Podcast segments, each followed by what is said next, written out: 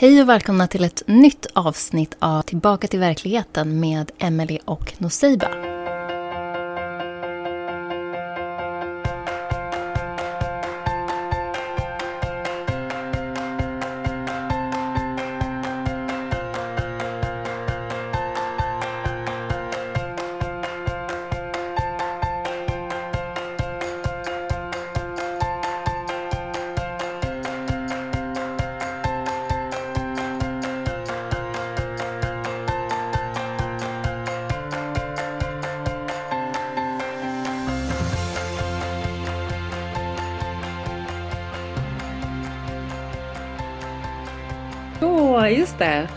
Hej!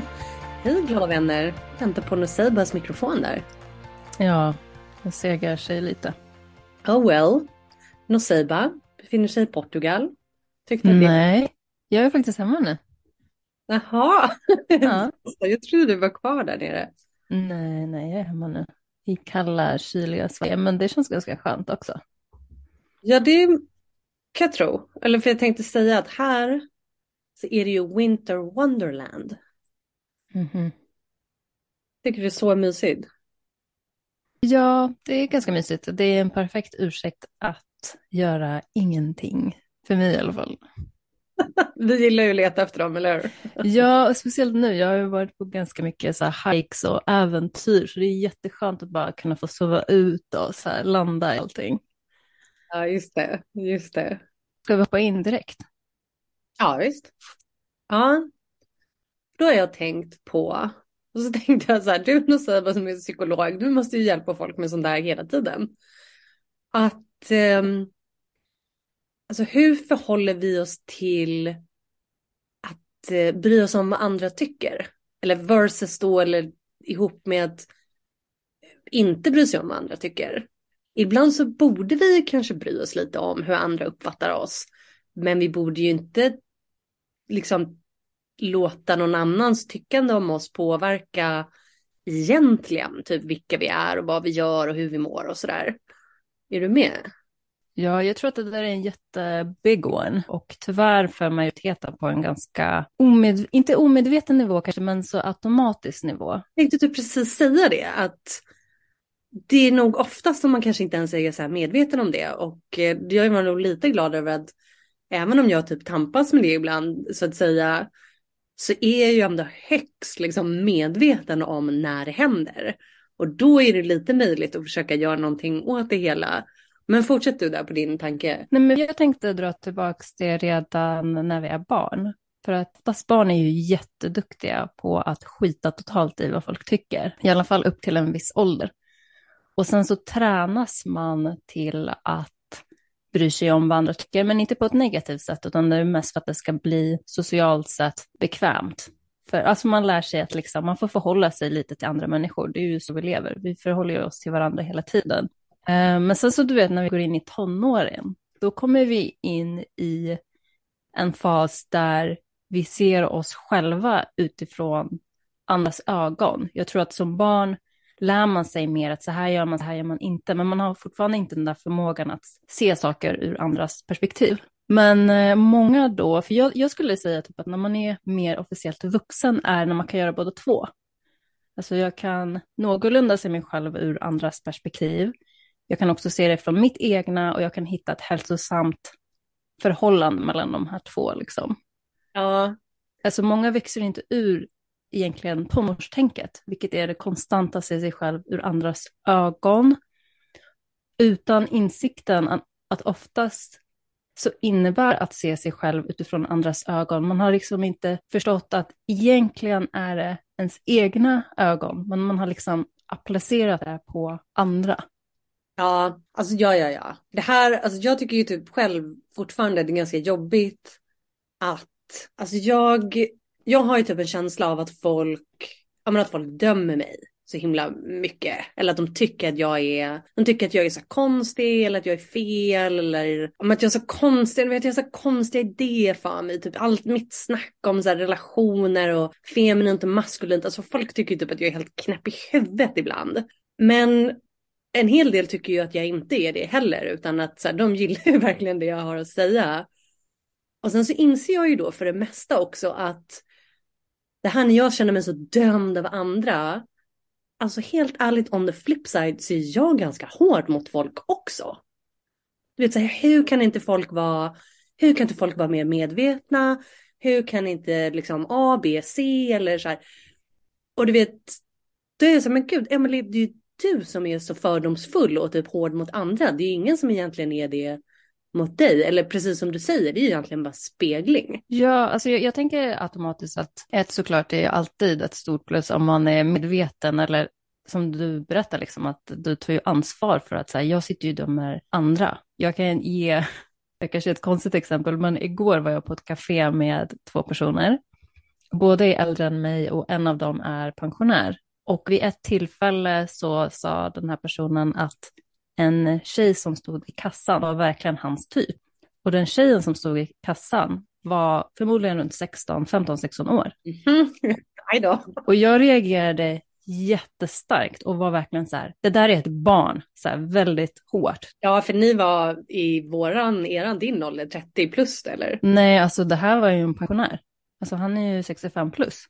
Wow, du sa att, okej, okay, ursäkta mig, ah, okej. Okay. Och sen den här mannen då reagerade ganska mycket på min reaktion, för jag är oftast ganska så här soft-spoken, kan liksom skämta runt och sådär. Det är nog första gången han har sett den sidan, för att när, oftast när jag ser en gräns så gör jag det nog tyvärr lite för hårt. Och det var lite min slutsats efter det här också. Och sen så tog han upp det att så här, oj vad du reagerade på att jag sa det. Du sa att det är ett barn, det där är inte ett barn. Och så sa jag liksom, i mina ögon är det ett barn, så hade liksom lite diskussion kring det där. Men sen fick jag lite så här ångest, jag bara oj, oj oj oj, nu tycker ju de här två männen att jag liksom är värsta så här, strikt och hård och så här jobbig tjej liksom. Alltså sådär, sådär svår. Exakt, väldigt svår och så här, oj, här ska man tippa på tårna, lite sådär. Ja. Och det var något jag fick battla med igår, för att jag var så här, där brydde jag mig verkligen vad de tyckte, även om jag står för det jag sa. Jag tyckte inte det där var okej. Okay. Ja, ja, ja. Alltså, lite, alltså jag känner nästan att vi är på väg lite off topic, men alltså vi måste stanna kvar här en sekund. För att alltså det är ingen tror jag som skulle liksom föreslå eller lära ut så att vi ska vara liksom ryggradslösa och inte stå upp för det vi tycker är rätt och sådär och uttrycka, uttrycka det vi, vi tycker är liksom det sanna då. Samtidigt som, samtidigt som, ja men som du sa så här, vi kan ju också bli väldigt hårda. Eller vissa gånger, du vet det handlar lite, pick your battles också typ och sådär då ibland. Men just i ditt exempel nu, den är också så här lustig.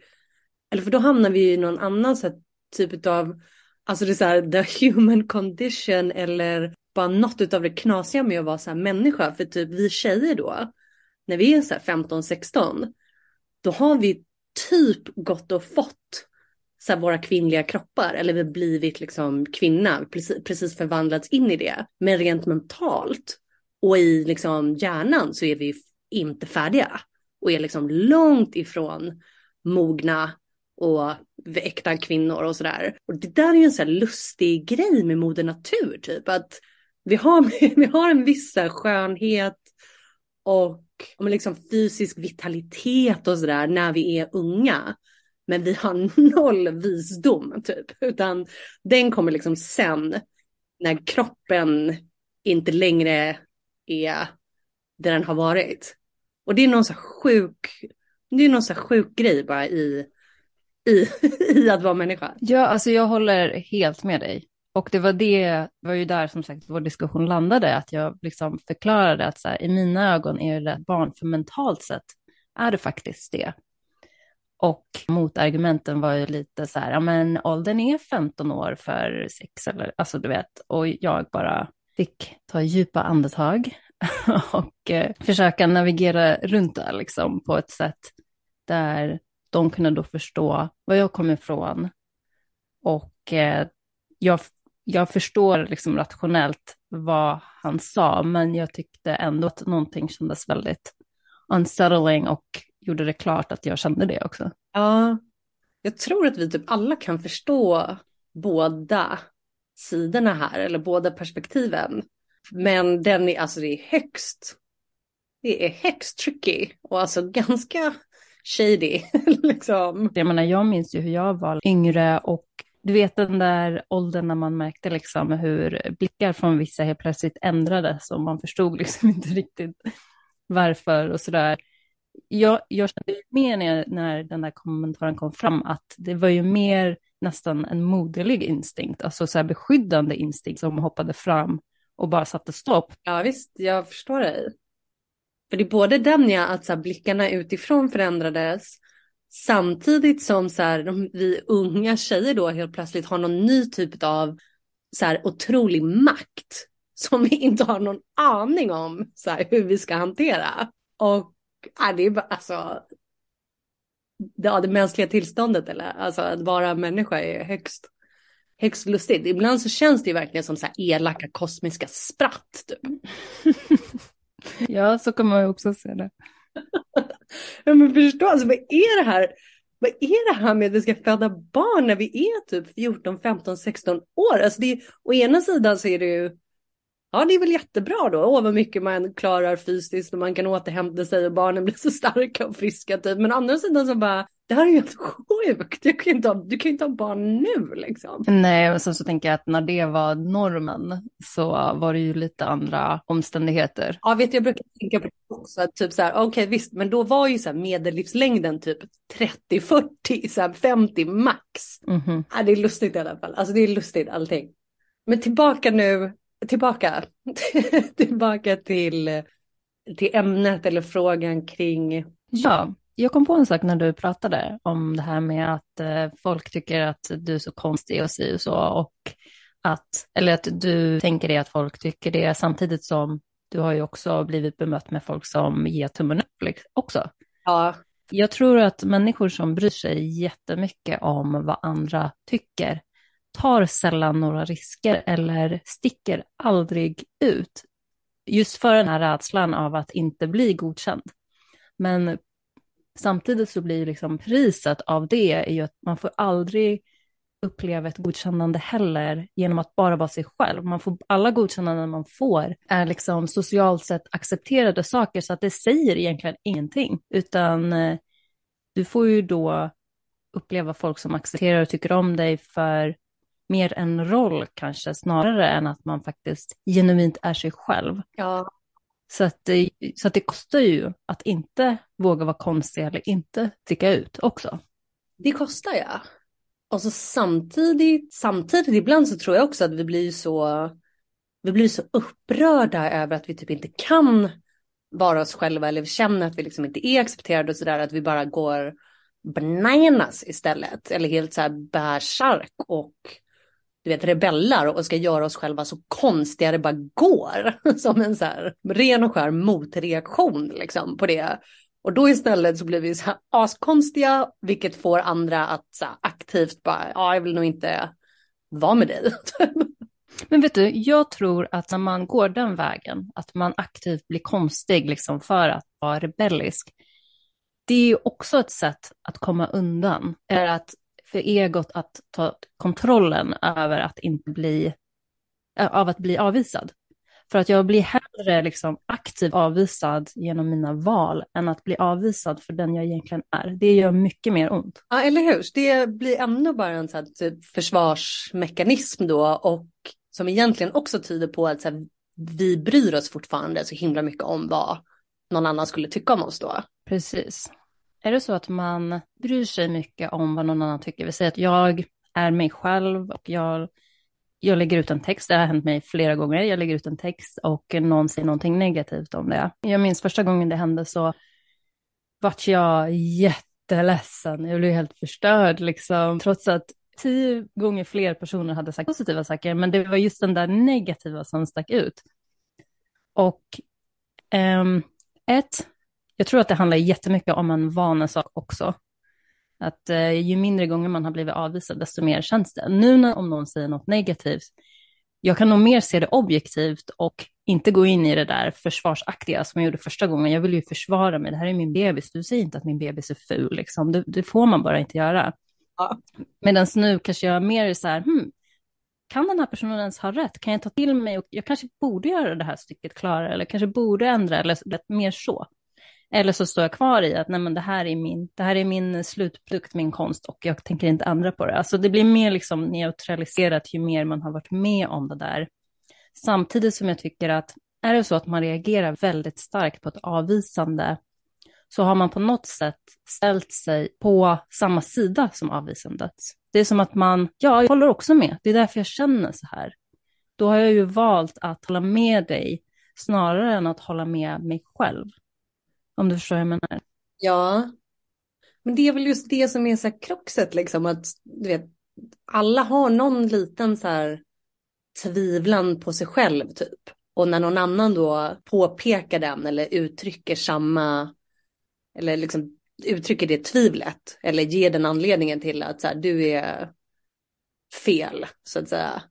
Då, uh, då slår det hårt liksom, eller då är det, då är det så svårt att bearbeta den. Ja. Den annan sak jag tänkt på också då är så här, du vet när någon säger någonting till mig som jag kanske tycker är men så här, helt fel.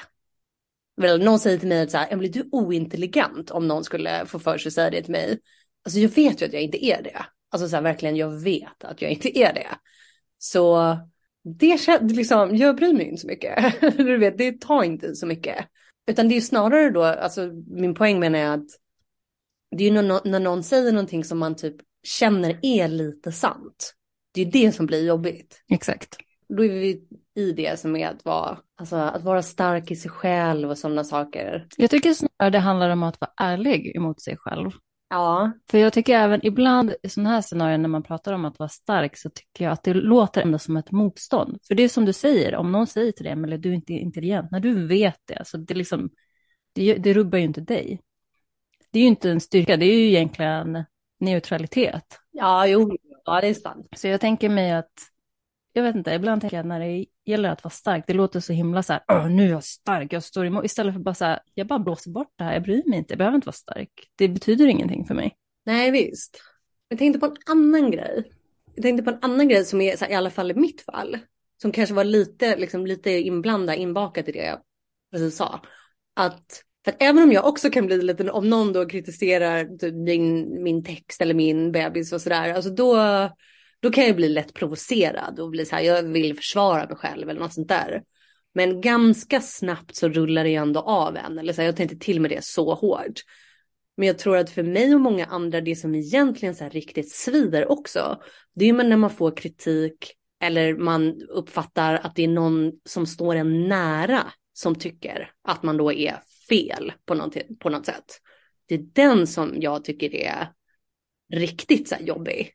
Eller det är den som kan få mig att verkligen alltså, komma ur balans eller du vet in, inte känna mig bra i mig själv. Liksom.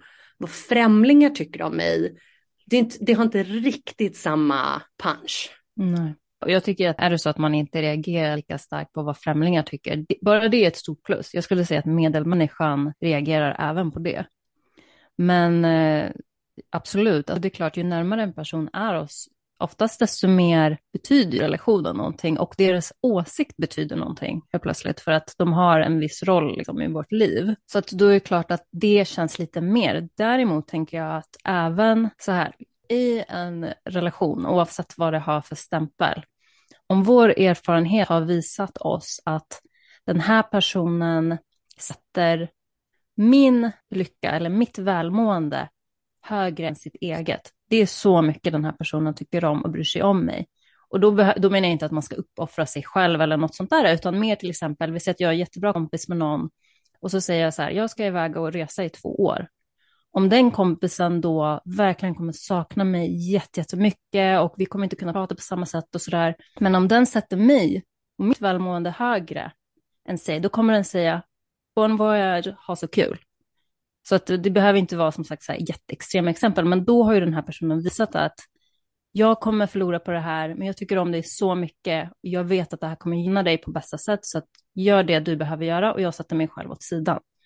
Så om vi har den erfarenheten gång på gång på gång och den här personen sen ger oss kritik, då tycker jag att då ska man nog ha öronen öppna liksom och i alla fall ha det i åtanke och respektera det för att erfarenheten har visat att den här personen förmodligen säger det här för mitt eget bästa. Men om vi inte har den typen av erfarenhet med någon, för att vi kanske inte har ja, känt om tillräckligt länge eller vi har inte varit i tillräckligt med sådana typer av situationer där personen kan liksom, citattecken bevisa sig. Då kan det ju faktiskt vara någonting annat. Och då tycker jag inte att man ska direkt bara suga åt sig det, utan där gäller det nog att ha lite mer distans. Eller också, um, om man har erfarenhet av att ibland sätter de mig högst, ibland gör de det inte, att det är lite så här ena, andra, då kan vi inte heller veta säkert vad den riktiga intentionen, som personen kanske inte ens är medveten om, egentligen är. Och där gäller det att vara lite försiktig med vad den här kritiken faktiskt betyder. För att det är som du säger, det känns ju väldigt djupt där inne. Men tänk om det är fel. Det kan vara rätt, men tänk om det är fel. Så det gäller tänker jag, att ha olika punkter liksom, innan man tar åt sig. Just det, just det. Alltså så bra poäng. Och det var lite det jag ville komma till också. Att, alltså vad, vad har vi för tricks? Eller alltså så här, vad har funkat för dig? Vad har funkat för mig?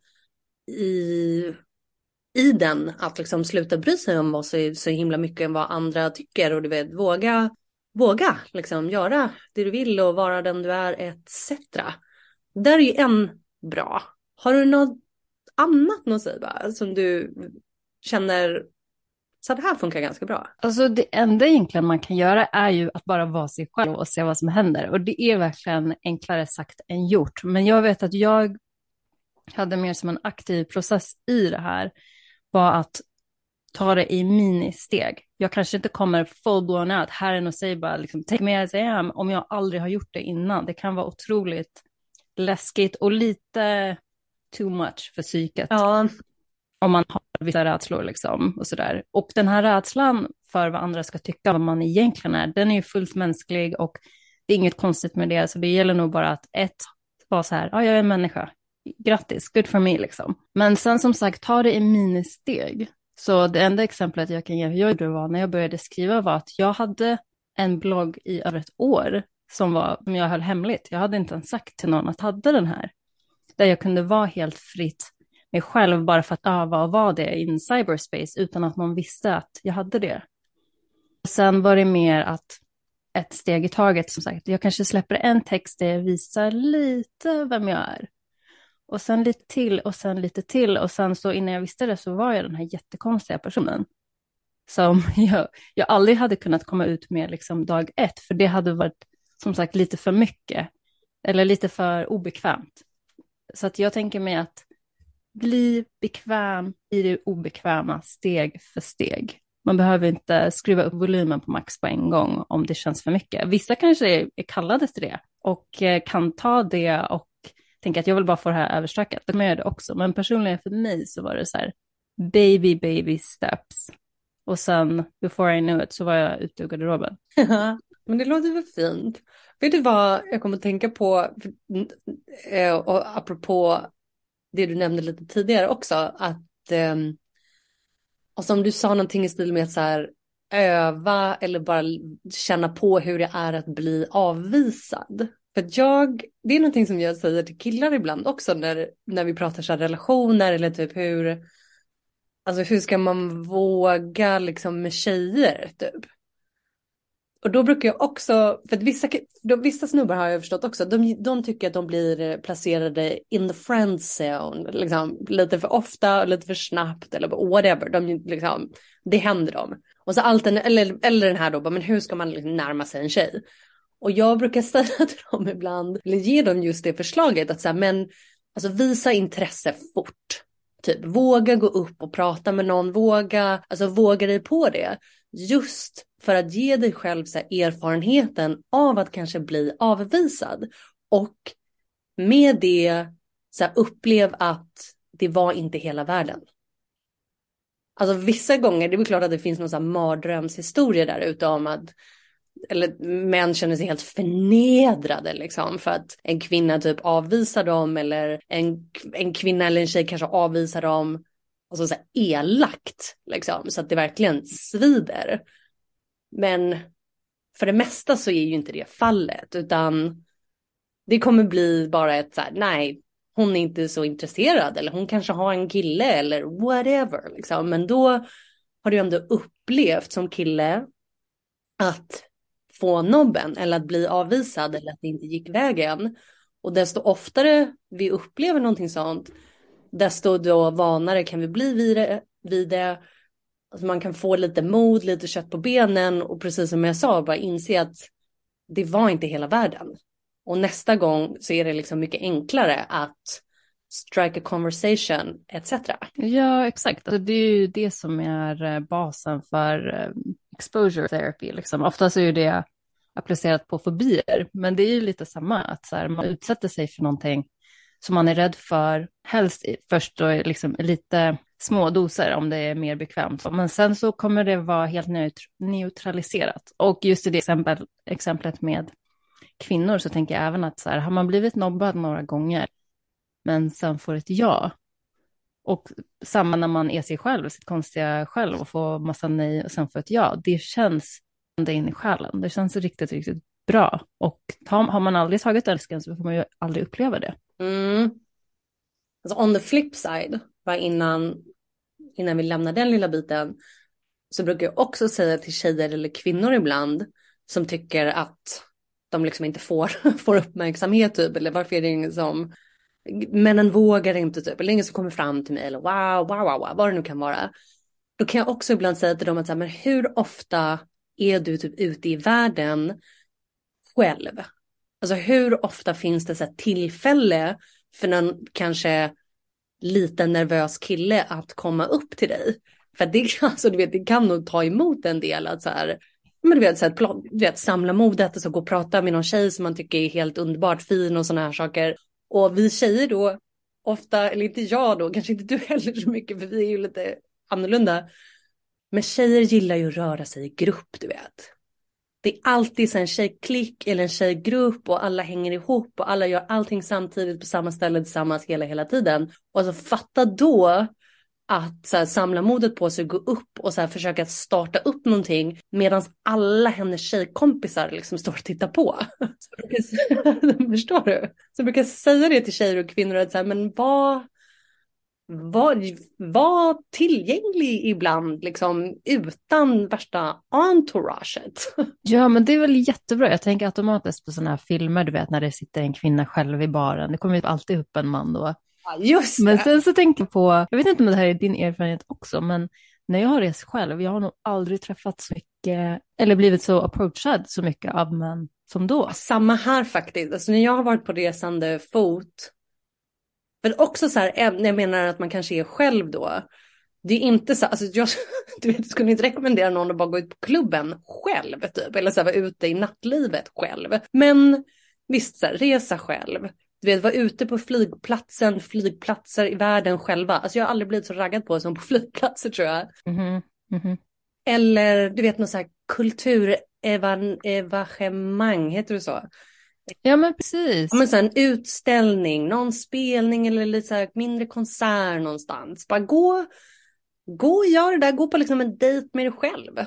Ja. Så kanske det liksom finns någon där att snacka med. Men det är ju verkligen jättebra tips. Jag måste också tipsa om meetup.com som är jättebra. Där kan man gå på massa olika kulturgrejer eller aktiviteter och sådär. Och oftast med folk där man har en viss gemensam, ett visst gemensamt intresse. Eh, jag har hört om flera flera par som har träffats det sättet. Så att get out there. Mm, mm, mm, mm, Jag har en grej till på det här med alltså bry sig om vad andra tycker. För det handlar ju som vi säger om att vi vill bli accepterade, vi vill känna liksom något sammanhang och lite sådär. Och jag bara inser nu att det där skulle kanske kunna vara kopplat till någonting annat som jag har gått och tänkt ganska mycket på senaste, eller så här under åren vad gäller just det här, alltså att, att känna, känna att man är älskad. För att det verkar som att vi liksom upplever eller får att det finns nästan som så två olika typer av kärlek. Och då är vi igen inne på det här med maskulint och feminint. Eller så här moderskärlek och faderskärlek. För då pratar vi ofta om att så här, man måste bli villkorslöst eh, älskad och att det är det som är grejen. Liksom. Att man ska älska villkorslöst och vi vill få ta emot det tillbaka. Så här. Men då verkar det för mig som att det är moderskärlek vi pratar om då. För att liksom din mamma, eller någons mamma, hon kommer liksom älska dig vad du än gör eller inte gör. Alltså du kan vara seriemördare, våldtäktsman, alltså din mamma kommer älska dig liksom. Medans faderskärleken, eller den maskulina kärleken, var, alltså, så här, jag älskar dig precis som du är, säger mamma. Medan pappa, det är liksom, jag älskar dig och jag vill ditt bästa. Och på grund av det så kom, tillkommer det liksom vissa förhoppningar. Och jag tror att många av oss lider på grund av att vi inte har upplevt att vi uppfyllde pappas förhoppningar på oss. Och därför känner vi oss typ otillräckliga och bryr oss, bryr oss om liksom vad andra tycker för att vi vill få den här utanför acceptansen som vi egentligen vill ska komma från pappa. Mm, ja, vilken intressant synvinkel. För att jag tänker ju direkt på, för det första har jag aldrig hört den uppdelningen av kärlek i relation till feminina och maskulina, så tack för det. Ehm, men sen tänker jag automatiskt att jag tror att många, jag tror du är helt rätt, men jag tror att många har växt upp i att bara uppleva den här faderliga kärleken från båda föräldrar. Alltså att båda har varit det där och ingen har varit det där unconditional. Ja. För att om bara ena parten hade varit mer unconditional typ av kärlek så kanske de hade balanserat ut varandra på något sätt om man inte ständigt hade känt att jag når inte upp till vissa mål. Men om, om båda är sådär, då vet vi ju inte bättre än att vilka vi är och vilka steg vi har tagit och vad vi har åstadkommit är inte helt perfekt jämfört med vad vi ska vara. Ja, ja. Ja, ja, ja. Alltså, jag tror verkligen också det. Och det känns väl också som en, alltså en av liksom konsekvenserna eller följderna av att den feminina principen har varit så undantryckt och nedtryckt och liksom bortskoffad, inte uppskattad, inte uppmuntrad etc. För precis som du säger så har vi då inte fått den av varken mamma eller pappa. Och precis som du också säger så är det ju, det är ju båda två som vi som människor då vill ha och behöver uppleva. Och gärna, jag tror att det är här vår generation har en helt ny potential också vad gäller liksom barnuppfostran eller psykologiskt välmående, emotionellt välmående och sådär. För att nu när vi alla är eller har i alla fall har potentialen att vara bättre balanserade i oss själva gällande maskulint och feminint så kan vi liksom ge båda de här typerna av kärlek till våra barn eller till alltså bara barnen liksom rent kollektivt. Så att vi inte nödvändigtvis längre behöver känna att så här, det ena måste komma från mamma, det andra måste komma från pappa, utan nu kan det komma lite från båda två. För jag tror också att vi kanske har upplevt den här faderskärleken då men precis som du säger så saknar vi mammas kärlek och jag tror att något som kan, typ som ställer till det ännu mer är den här förvirringen över att vi skulle gärna vilja få moderskärleken från pappa. Och vi förstår inte riktigt att det är inte det han typ ska ge oss. Ja, just det. Så att man, man bara söker den från någonstans egentligen. Men tror du att det är, för jag tänker, eller jag känner direkt att så här, jag tror att för många kvinnor är det nog så. Ja. och att från, för, för män, för, nu generaliserar jag jättemycket såklart, men att för, för många män är det precis samma sak fast det är riktat mot mamman då. då. Ja, alltså högst, högst komplex liksom och det är såklart poängen som vi säger, alltså det är ju, alla behöver ju båda. Mm.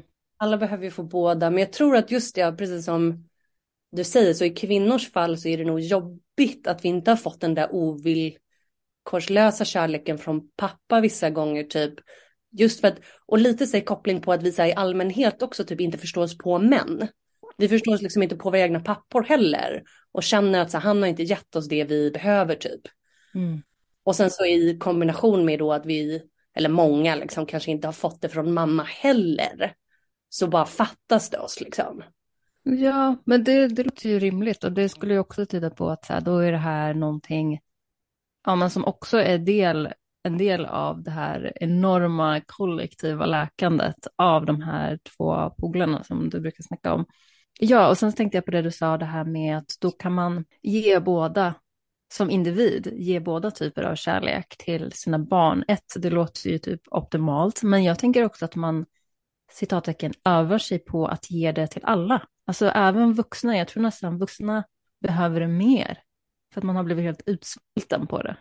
Ja, ja, ja, definitivt. Ja, visst. Eller för då, å ena sidan i konversationen så kan vi ju liksom rikta oss på typ barnuppfostrande och den nya generationen. Men du har så rätt i att det är så här, vuxna människor är fullständigt utsvultna på båda typerna av kärlek och behöver liksom få det från alltså vem som helst egentligen. Och det gör jättemycket. Kanske är det därför många har problem i kärlekslivet. Liksom. Och man ständigt söker det här ovillkorliga men märker att det är inte så ovillkorligt. De flesta kärleksrelationer är ju inte det skulle jag säga. Nej visst. Och om vi just pratar kärleksrelationer då. Alltså jag tror inte kärleken borde vara villkorslös heller. Vi kan ju liksom inte bete oss hur som helst mot våra kärlekspartner eller vänner eller kollegor och bara men du ska älska mig som jag är. Alltså det, det är inte rimligt liksom. Precis, men precis som du säger så liksom bidrar det till den här förvirringen som leder till att vi kan inte ha liksom, lyckliga eller tillfredsställande relationer för att vi, vi liksom letar efter fel sak på fel ställe. Och när vi inte får det så liksom, ah, då bara ballar vi ur eller vi känner att det är, att det är någonting fel liksom. Och igen så tror jag att, jag tror att vi försöker liksom fixa det här genom att du vet hur kultur och det moderna västerländska samhället nu är så här, nu vill vi att, alltså ursäkta mig om jag är lite krass då, men så här, kvinnor lite generellt, vi vill att männen ska vara som vi. Vi vill att de ska liksom, vi vill att de ska bli annorlunda, vi vill att de ska vara annorlunda, att de ska vara som oss. Och att nu är alla lika. För det är det typ jämställdhet betyder, att alla ska vara likadana. Vilket jag då liksom skulle vilja poängtera att jämställdhet handlar väl om allas lika värde. Det betyder inte att vi är likadana. Och att försöka tvinga oss att vara likadana, det liksom skapar mer problem än vad det löser några. Mm -hmm. Ja, det där är också a big one. big one. Alltså det här har hjälpt mig lite grann tror jag i att eh, men så här, tycka bättre om eller bara ha mer uppskattning för min egen pappa tror jag att så här, jaha, men jaha, eller du vet, jag tycker, jag tycker liksom att det ligger en hel del i det här. Ja, jag håller med, 100 procent. Mm. Det var nog mer, det var nog mer i allt det här, ge mig en sekund. Jo, men om vi för i jämställdhetens namn.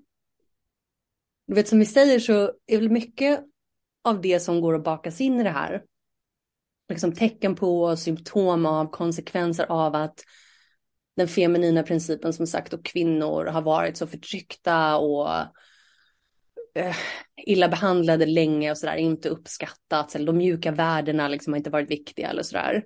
Men on the flip side, eller då i jämställdhetens namn, så tror jag också att det på samma gång är ett tecken på att eh, maskulinitet och män är missförstådda och inte uppskattar det. Ja, alltså jag tror ju att hela det här jämställdhetssnacket och eh, det här, de här eh, stormstegen som det har tagit de senaste åren, jag börjar nog mer se det som ett uttryck för att ett uttryck för att det som varit funkar inte. Det vill säga att trycka ner det feminina funkar inte.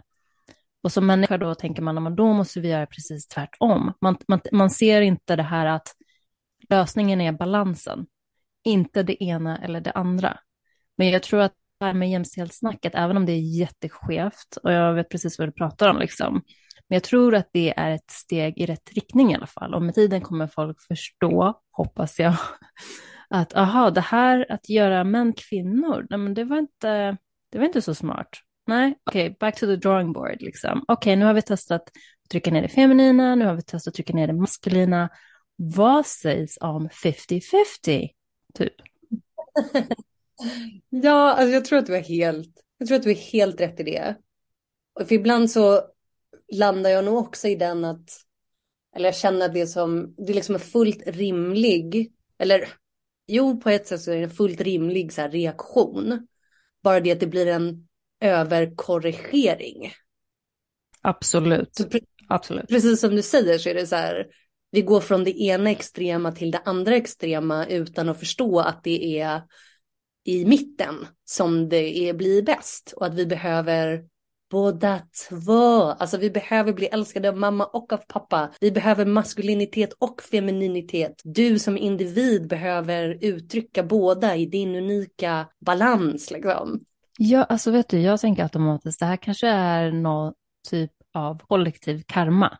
Att så här, för att man har lutat så mycket åt ena hållet så hårt så blir det automatiskt effekten att man måste luta åt andra hållet minst lika hårt. Ja, ja, ja. ja. Alltså det, där, det där har jag tagit också som sanning såklart. Att lika långt som någonting går åt ena hållet, lika långt går det åt andra. Så det där är jag helt med på. Jag tror att som du säger också så kommer vi så småningom eller kollektivt nog landa i att så, aj då, vänta lite, nu gick det lite för långt, eller det här var inte helt smart, det här var inte helt genomtänkt, det blev inte det vi ville. Men vi hade goda intentioner typ. Och så tror jag att vissa, men vissa är väl, eller vissa är väl där du och jag är, liksom att vi redan har nördat ner oss något så extremt mycket i liksom filosofi, mänsklig psykologi och sådär. Så att vi, men vi liksom ser, du vet, är, är intresserade av ett större perspektiv. Ja, jag tror att det kommer. De andra kommer ikapp strax. ja, alltså, ibland känner jag mig lite så, eller ibland så känner jag mig så lätt orolig för att uttrycka mig så som typ det jag precis sa. För att jag vill inte få det att låta som att jag tycker att jag är bättre än någon annan.